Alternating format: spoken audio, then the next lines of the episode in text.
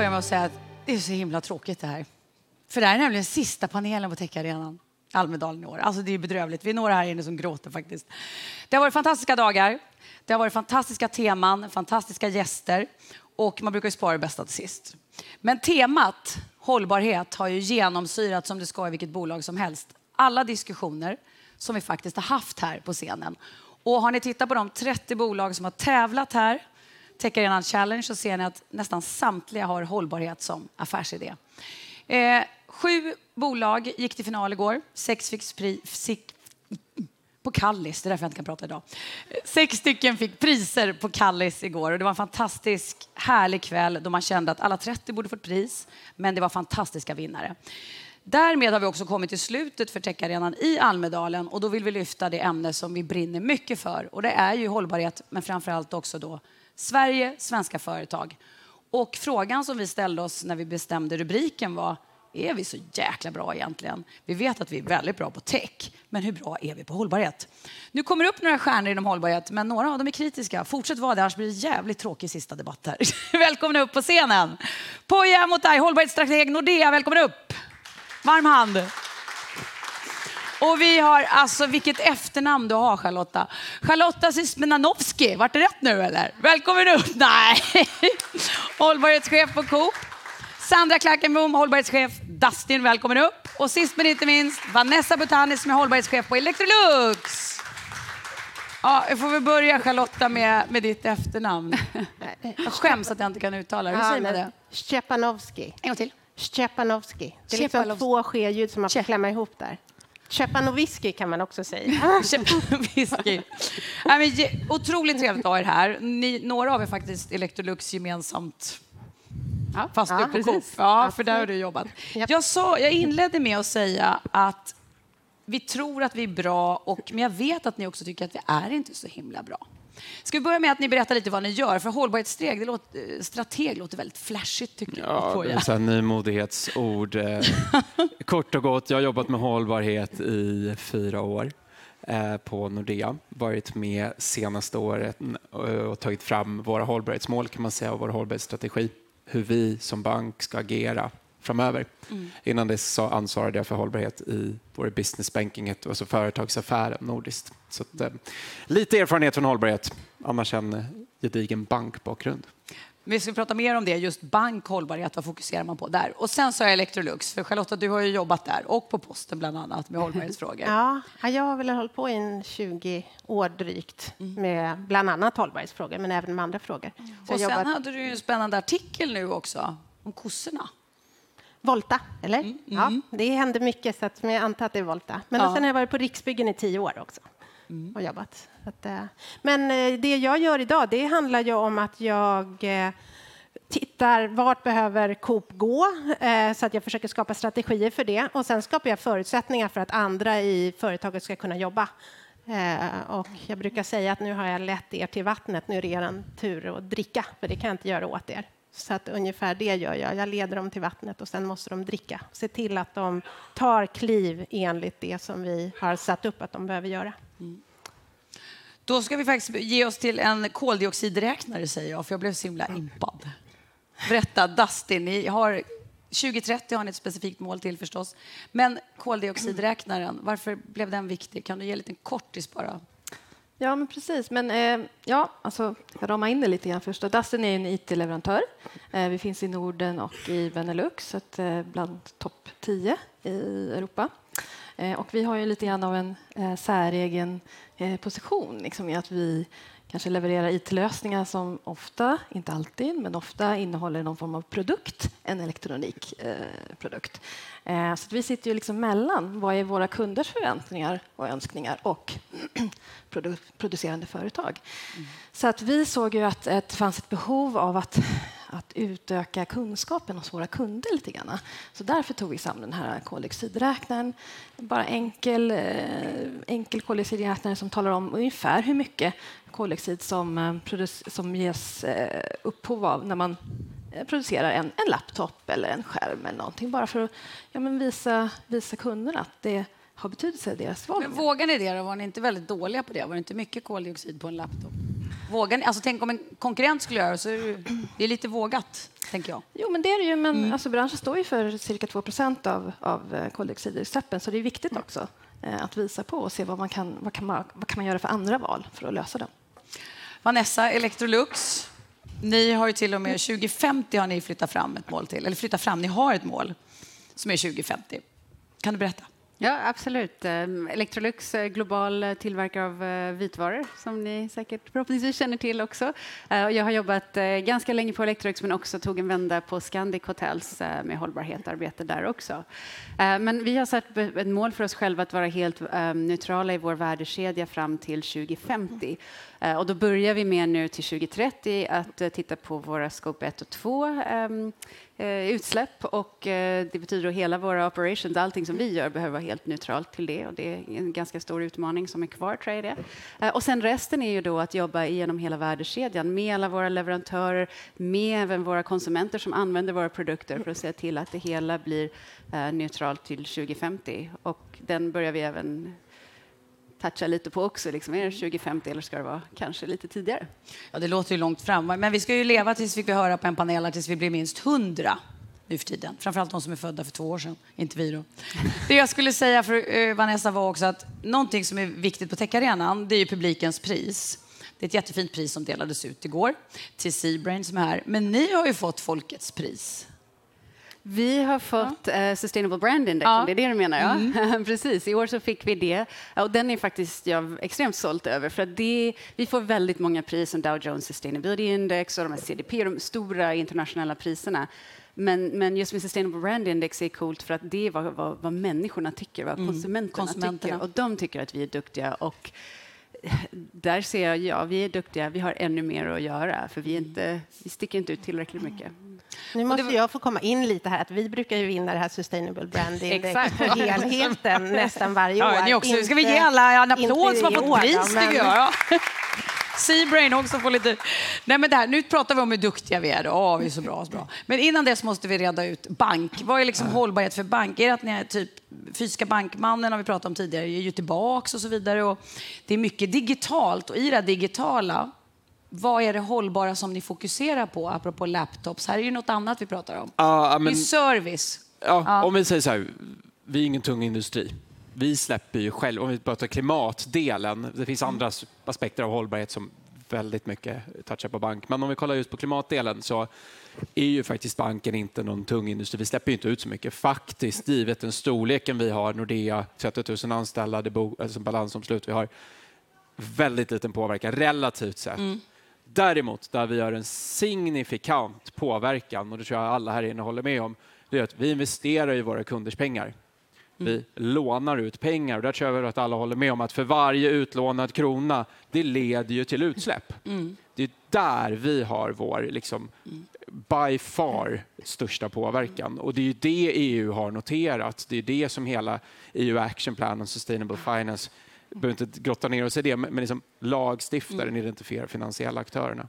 Vi kan vinka in Charlottas kompisar här, för det finns lite säten kvar här framme, så om ni vill komma in och se henne lite närmare där. Mm. Men jag eh. kan bygga lite på vad du säger, Poja, för att där ser jag supermöjlighet för oss att samarbeta. Vi har gjort mycket grön finansiering också. Vi ser den viljan och det tar jag med mig som hållbarhetschef. Liksom, det är mina verktyg som jag kan använda. Nu har vi gjort en deal med banken, så att nu måste vi göra det här ännu mer. Mm. Och här är målen som vi har satt. Här är hur vi kan driva framåt. Det, sånt uppskattar vi väldigt mycket. Men bankvärlden, och för att gå tillbaka till det, är ni liksom föregångare? Kan du stå och skryta om det? Eller hur ser banksektorn ut och fintech? Tycker man att det är viktigt det här med hållbarhet och vad gör man? Ja, men jag tror väl att bank...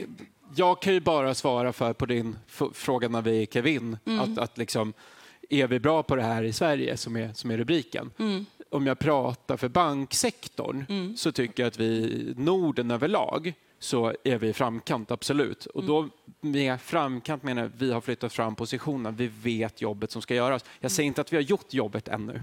Det är väldigt få som kan säga överlag i samhället, men vi har i alla fall flyttat fram, vi har identifierat, vi, vi liksom jobbar aktivt, bildar koalitioner, bildar liksom samarbeten. Är det inte vi så är det någon av de andra nordiska bankerna som har gjort det. Så där skulle jag säga att ja, vi är kanske inte de absolut bästa, det finns enskilda banker i enskilda länder eh, som är duktiga, men, men Norden överlag, ja, är framkant. Vi, vi hade en diskussion igår apropå det här också då med fonder. Vi hade AMF-fonder här. Alltså det här att välja att nu ska ni välja åt mig som Nordea-kund hållbara fonder. Där kommer det här arbetet in också. Och hur, där är ju konsumentkrav nu. Jag ska komma in tänkte precis när du viftar på Hur ser konsumenternas krav ut nu apropå det? Hur noga är man med att nej, jag skiter om det ger pengar, jag vill ha en hållbar fond? Nu ja, överdrev jag lite, men, men det, åt det vi, hållet. Hur mycket lyssnar ni och hur intresserad är bankkunden kontra Coop-kunden? Ja, men ska vi vara väldigt konkreta så ställer mm. vi Var den ärlig nu också. Ja, men det är helt ja, ärligt. Vi ställer den frågan till våra kunder i alla investeringsrådgivningssituationer. Mm. Ungefär hälften svarar att de vill att vi tar hänsyn till att spara hållbart. Så när vi mm. ställer frågan, vill du att vi Mm. Liksom, är hållbarhet av särskild betydelse. Mm. Då är det 50 procent som vill det. 50 det får man säga ganska mycket ändå. Idag, för, ja. ja. fast ändå 50, hälften säger ändå aktivt att Nej, men jag måste inte ha hållbarhetsperspektiv på mitt sparande. Mm. Och då pratar vi oaktat eh, risk, avkastning, mm. hela den biten. För det finns ju också vissa detaljer som visar att ja, spara hållbart. Jag kan tänka mig att kunderna till er tre här, är det 50 procent som säger att de vill ha hållbara produkter? Nej, det är, Nej. är det absolut inte. Det är mer känsligt med plånboken på banken. Del. Ja. ja. det är en betydligt mindre del. Men jag tänkte säga på det här med, med fonder. Så när jag mm. jobbade på Riksbyggen så äh, jobbade vi med, med gröna fonder mycket. Men det vi såg det var ju att man fick liksom pengar för att göra det man ändå skulle ha gjort. Så man hade redan planerat att göra det här och sen så kunde man liksom låna pengar. Så det blev liksom ingen extra, utan det var sånt man gjorde av andra skäl för att man kanske inte kunde hyra ut sina fastigheter mm. och så där. Så jag, jag, tänker, det kan ha ändrat sig sen dess, men jag tänker att det behöver finnas mer sätt att verkligen säkra att vi går framåt med de där styrmedlen. Hur viktiga är det? Jag frågade innan vi gick upp på scenen så sa jag ett av favoritorden här på techarenan när det gäller hållbarhet och alltså, vi pratar hela begreppet jämställdhet, inclusiveness, ESG var det någon av er som sa nej, där. någon som säga, det där tror jag inte på. Nej, men så sa jag inte riktigt. jag sa att det var du. Men det, jag att det var du. Nej, det, jag, men berätta. Ja. ja. men jag, har, jag försöker ju få till lite, ja. det är varmt här inne. Nej, men jag säger inte att det, det, är bra att man är inne på ESG-spåret och försöker liksom att skapa den här typen av finansier, alltså säkra finansieringarna. Mm. Men det som oroar mig det är ju två saker. Dels att man faktiskt, det är svårt att göra de här bedömningarna mm. inom hållbarhet och jag är inte helt hundra på att man har träffat rätt. Och det andra, det är ju att man faktiskt riskera att vi får en uppföljningstiger som heter duga här. För att vi har inte så många personer som jobbar med hållbarhetsfrågor i våra företag. Och jag märker ju nu hur man börjar satsa på att ja, men nu ska det följas upp ändå mer, ändå mer, ändå mer. Och vi har så mycket jobb att göra. Och det tycker jag är oroande om det blir på det sättet att man kanske tar personer från sådana som borde jobba och skapa, skapa någonting till att följa upp. Mm. Så att, men, men det finns en, en fördel med det såklart att man sätter fingret på det och börjar mm. följa upp för det man mäter blir oftast Jag gjorde en liten Expressen-rubrik av det. Jag ber om ursäkt för det. Men vad bra att du nyanserar det. Men det är väldigt spännande eh, synpunkt tycker jag. Ja, fortsätt. Mm. Jo, men absolut. Jag håller, håller med om det också. Dassen är börsnoterad så vi har ju liksom vissa för, förhållningssätt och vissa rapporteringskrav givetvis. Ehm, och sen har vi tagit oss an också ytterligare. Vi har också hållbarhetslänkade lån till exempel. Och och mer och mer rapporteringskrav kommer. Så jag tycker att det är såklart eh, båda delarna. Det sätter en, en, extra press internt. Det skapar en, liksom ett behov av att föra upp det till ledningen och styrelsen, mm. vilket jag tycker är positivt. Eh, eh det är klart, det kan också skapa en, liksom en rapporteringstiger, eh, men det ställer också ganska hög press när det kommer en massa nya olika eh, rapporteringskrav. Mm. Att, att hållbarhetsenheten eller hållbarhetschefen kan tolka och liksom mm. se till att styra in så att man rapporterar eh, kanske på ett sätt som då tillfredsställer fem olika liksom, direktiv. Men du menar att det är mer, du sa en pappersdrak eller tiger där, att liksom, ja. är det risken att ja, men nu rapporterar det ser bra ut, men krävs det inte liksom nästan en kulturförändring? Jag tittar på dig nu Vanessa, apropå vad ni har gjort. Accounting och controlling organisation och hur mycket upp till samma nivå som vi har mm. där. Och hur många sistone för att få ihop alla och säga vi och utanför våra egna, som vi kallar tier one suppliers, men långt mm. längre ut än så också. Mm. Och det är, det, är, svårt, men jag tycker mm. det är en bra möjlighet att också få igång fokuset till vad vi, vad vi behöver komma. Men en grej som, förlåt, jag följde inte manus till och med inte, jag bara fick, eh, jag tyckte jag fick lite feeling här. Nej, men jag kände att det är, det är, det är spännande att höra er, för att ni jobbar med det, det rapporteras, eh, det är ESG, det är krav, men sen undrar man ju då med tanke på det här, rubriken igen. Är vi jättebra i Sverige då? Eller finns det andra länder som är bättre och hur gör de det då? Jag, jag, kan ta den. Att vi ja. är jättebra på många olika saker. Absolut i Sverige. Det finns saker där vi kan visa vägen, men det finns andra länder som kan visa vägen inom andra områden. Mm. Och tittar man på en svensk, en person, så är det så att vi släpper ut betydligt mycket mer. Vi har ett mycket större avtryck än många, många, många andra i världen. Så vi som privatpersoner kan absolut inte slå oss till ro, utan vi konsumerar alldeles för mycket. Vi flyger för mycket, vi äter för mycket kött, vi har stor mark i anspråk. Vi, vi har jättemycket att göra i, i vårt mm. land också. Men, eh, Men till dig verkligen, nu. Ja. Jag fick in där att mm. Eh, helt riktigt, vi har fantastiska liksom, innovationer eh, och eh, liksom, samarbeten. Alltså fossilfritt stål och så kan man göra en bil av den. Och det finns jättemycket bra exempel som, som, vi, som, vi, eh, som, vi har, som kommer från Sverige som mm. vi är väldigt, väldigt duktiga på. Eh, men vi är också ett land i världen och precis, liksom, vi har en, en otroligt hög konsumtionsutsläpp. Eh, vi konsum, kanske konsumtionsutsläppen är ungefär dubbelt så mycket som de som vi producerar i Sverige. Mm. Och alla resurser som krävs eh, för att liksom elektrifiera oss och komma dit där nya EU Green Deal har, har liksom visionerat upp oss. Det krävs ju otroligt stora mängder Eh, Eh, metaller och mineraler för att producera de här elektriska komponenterna. Eh, till exempel litium, alltså efterfrågan på litium, om vi bara skulle fortsätta att eh, producera och använda och konsumera som vi gör idag, då, skulle, då pratar vi om en ökning på kanske 3000 procent i efterfrågan av litium, för att batterier finns i allt. Så att vi måste också börja fundera liksom på vi, på Dassen så har vi då identifierat det i samband med elektronikbranschen såklart. Så att våra mål är att bli klimatneutrala och helt cirkulära och sen så även då främja social jämlikhet eftersom det produceras i andra länder. Så Sverige är ju en del. Mm. Det, det, som är intressant nu, tycker jag, när vi pratar om det här, det är ju kostnader också. Apropå det. Det, det är ju så att helst skulle väl Electrolux vilja sälja hur mycket egentligen då? Egentligen. Prylar som helst. Det är ju det ni lever på, liksom, att sälja. Och så tänker jag så här, är det så, det går, inte, går att räkna hem på det här, Poja, nu kommer du in här. Alltså, går det verkligen, kan man säga så här att ja, men vi tjänar mer på att vara hållbara? För det är ju en kostnad. Det ska rapporteras, det ska uppfyllas, det ska läsas på, det är personal. Så, liksom, kan man verkligen räkna hem på hållbarhet? Ja, men, kan, faktiskt... kan, är det support the business verkligen? Nu är jag krass. Jag tänker på små bolag också som inte ens har en hållbarhetschef. Ja, jag tror att det är lite olika. Dels var jag en mm. panel igår där vi diskuterade det här. Får du betalt för att vara?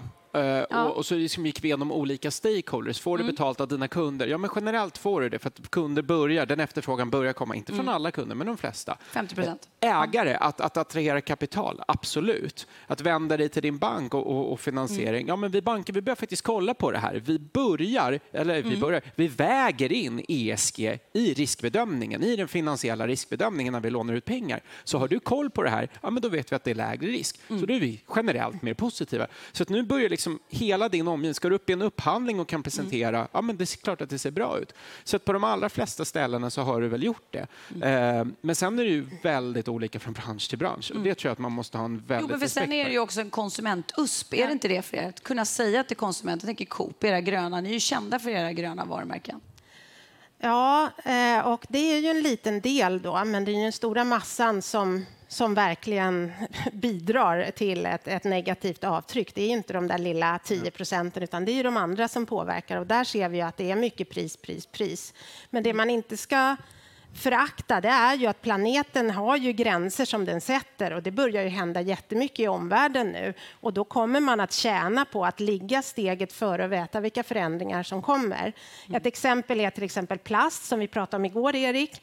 Här kommer det ett, ett, direktiv och det var en grej som kom till exempel med plastpåsarna och då blir det ju lite att folk undrar så varför ska vi byta ut plastpåsarna för? Men om man tittar på sina sociala medier och ser all den här plasten i havet, Plast bryts ner på kanske 300 år. Det är ju inte konstigt att någon kommer nog att reglera på det här. Vi kanske ska vara redo när lagen kommer. Och det är på samma sätt inom många områden. Det är bara att titta ut genom fönstret så ser du vilka lagar och regler kommer att komma. Se till att du kan kapitalisera på när lagen kommer. Så att du kanske inte tjänar på det här och nu, men på lång sikt kommer du alltid mm. tjäna på det.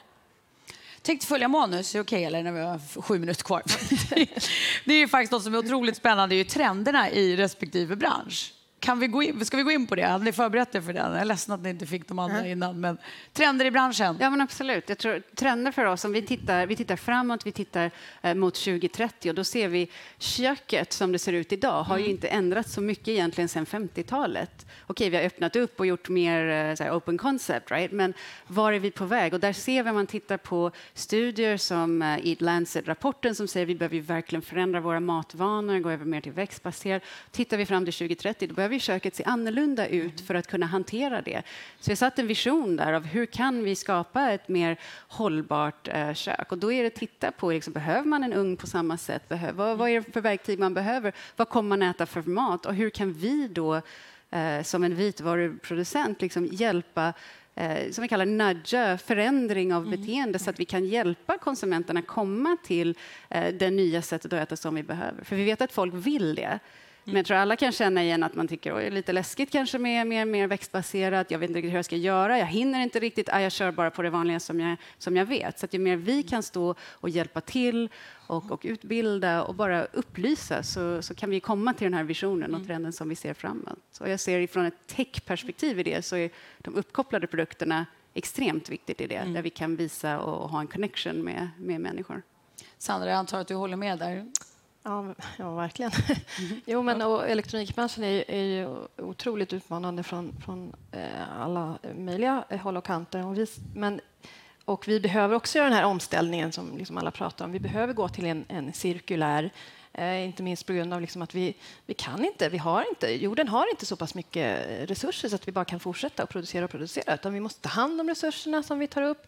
Vi måste liksom återanvända dem, återförbruka dem, återbruka och sen återvinna. Sen kan det bli nya produkter. Så det, det är ett skifte som Men, håller på och det är otroligt ja. utmanande i den här branschen. Ja. Vi, liksom, vi behöver också liksom, eh, kollaborera, vi behöver samarbeta över liksom organisationsgränser, över landsgränser. Men kommer man, apropå det, kommer man få se så här, nu har vi börjat, Hennes Mauritz var väl en av de första större retail, gå tillbaka med kläder.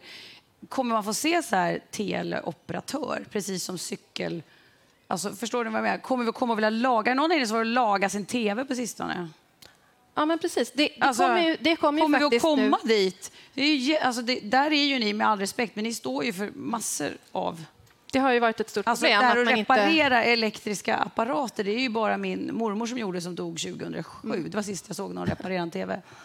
Ja, men det har ju varit ett stort problem att man inte ja. har kunnat eh, reparera eller byta ut komponenter. Men är ni intresserade av det? Kan eh, men det, och det kommer ju. Det kommer ju till och med lagkrav på det från EU-nivå. Att man ska, mm. man ska, man ska, om man ska kunna sälja en, en viss produkt så ska den se till att kunna vara reparerbar. helt enkelt. Ja, så det, så det, kommer, det, det kommer komma mm. på det. Vad tycker ni om det? då? Jo, men det är ju jättebra. Ja. Vi, vi jobbar ju med att erbjuda våra kunder att vi tar tillbaka deras komponenter som de inte kan använda. Sen, sen, sen reparerar vi dem. Ja. Reparerar vi dem och så kan vi ge dem ett andra liv någonstans eller återvinna om det inte går. Men hur viktig är då, nu hoppar jag direkt här till Coop, hur viktig är lagstiftningen för att driva branschen framåt? Eller, för alla är ju inte liksom filantroper som på Coop? Alltså... Nej, men alltså, jag tror att den är jätteviktig. Eh, men sen har vi också ett väldigt starkt samarbete i branschen, så vi har ju väldigt mycket branschriktlinjer och sånt. Men jag tänkte att jag skulle lyfta, vi har ju massor vegetariskt, matsvinn, mm. alltså vi har ju massor med frågor. Men jag skulle vilja lyfta en annan fråga som jag tycker är så viktig och det är helhetsperspektivet.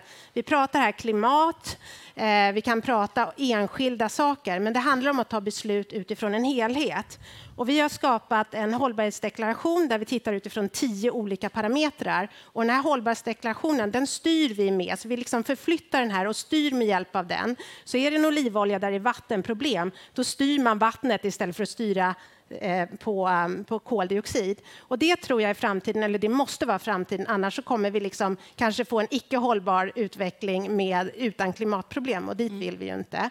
Och då vill jag lyfta AI som en möjliggörare för att fatta bredare beslut. För AI, med hjälp av dem kan vi fatta rätt beslut utifrån en helhet snarare än att fatta utifrån de här stuprören. Så att jag skulle vilja lyfta AI som en jättestor möjlighet i styrningen av bolag framöver.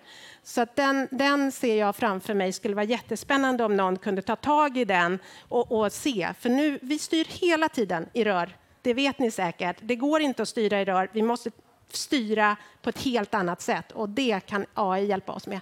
Kan vara nästa års vinnare på Techarenan, hör jag. Musik.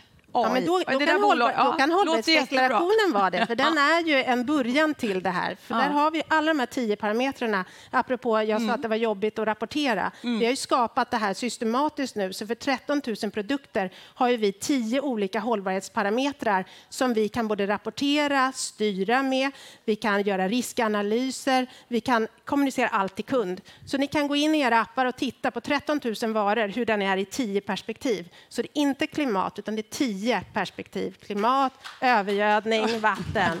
Så det är massor med grejer. Den tycker jag ska vinna nästa år. Vad nästa, vill säga jag vill bygga ja. lite på vad du sa, för jag tror det viktiga också i det här är att skapa partnerskap. För jag ser direkt när du pratar om sådana delar hur vi kan jobba ihop mm, med... Absolut. Vet vi vad, vad, vi har i kylskåpen? Jag kan se, vi har en vad vi kallar My AEG-app som kan säga okej, okay, nu har du kanske en zucchini, den håller på att bli dålig. Här är ett recept på vad du skulle kunna göra med den. Mm. Right?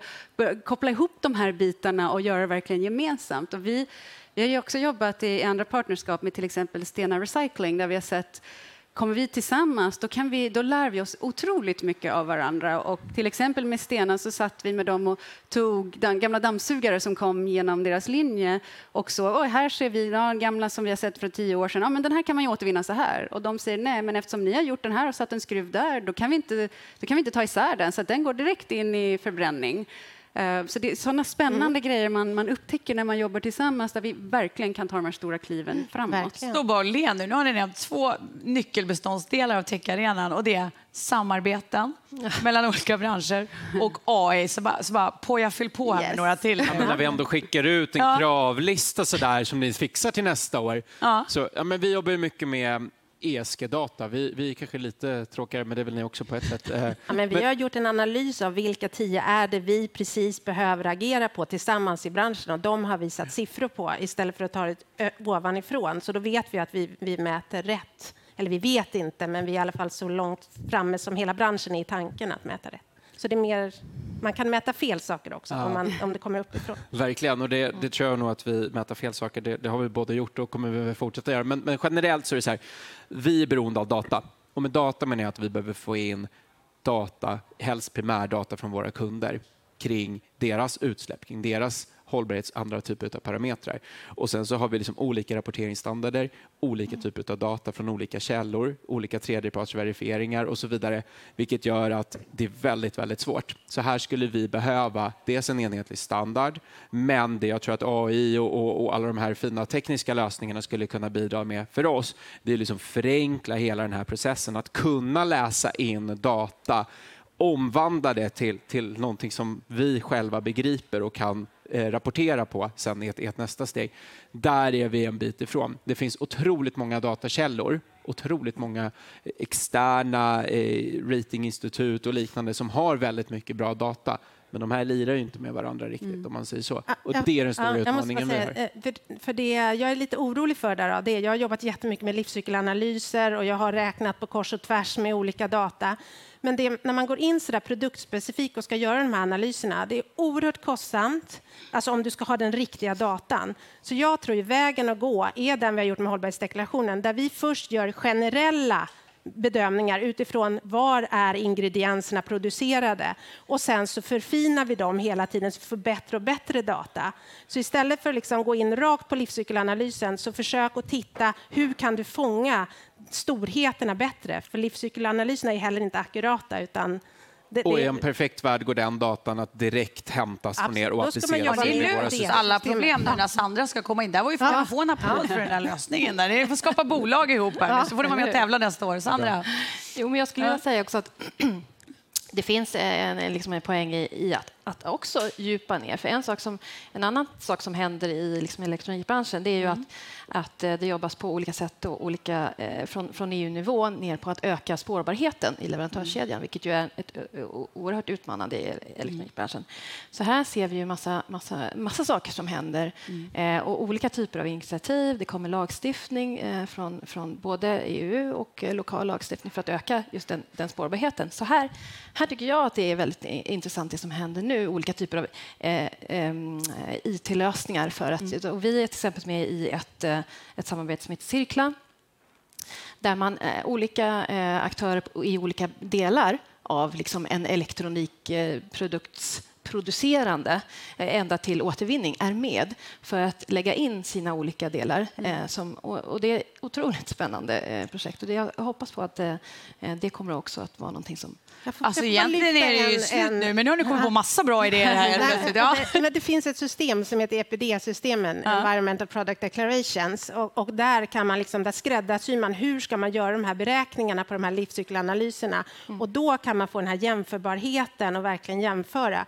Så att jag vill göra ett slag för EPD-systemet eh, som är det enda sättet att möjliggöra jämförbarhet av produkter. För har man inte räknat på samma sätt, då går det inte att jämföra. Vi brukar försöka ha på techarenan news you can use, gärna att ni blir lite osams, gärna kommer på en ny företagsidé och sen vill vi att man nämner samverkan och AI. Alltså ni har ju uppfyllt alla kriterier. Kan de få en applåd? tack så jättemycket. Tusen tack. Ni hänger kvar så de kan få fortsätta prata med er. Bolagen som är här ute, de här 30, kan man se i höst i Stockholm också på mm. Techarenan där vi har ett nytt event. Välkomna tillbaka allihopa då. Men jag släpper er av scenen till en varm applåd och tack för det ni gör i hållbarhetsfrågan och välkomna tillbaka nästa år. Tack. tack. Eh, Techarenan ordnar ett nytt event i Stockholm. Vi pågår hela året. Så jag vill eh, också rikta ett stort tack till alla 30 bolagen som kommer tillbaka till Stockholm. Stort tack till alla ni som varit här. Vi har haft tusentals besökare, så vi kommer att komma tillbaka, tror jag vågar lova, eh, nästa år. Och stort tack till hela teamet på Techarenan som har stått ut med framförallt mig, men också vissa gäster. Stort tack allihopa. Tack alla partners. Trevlig sommar.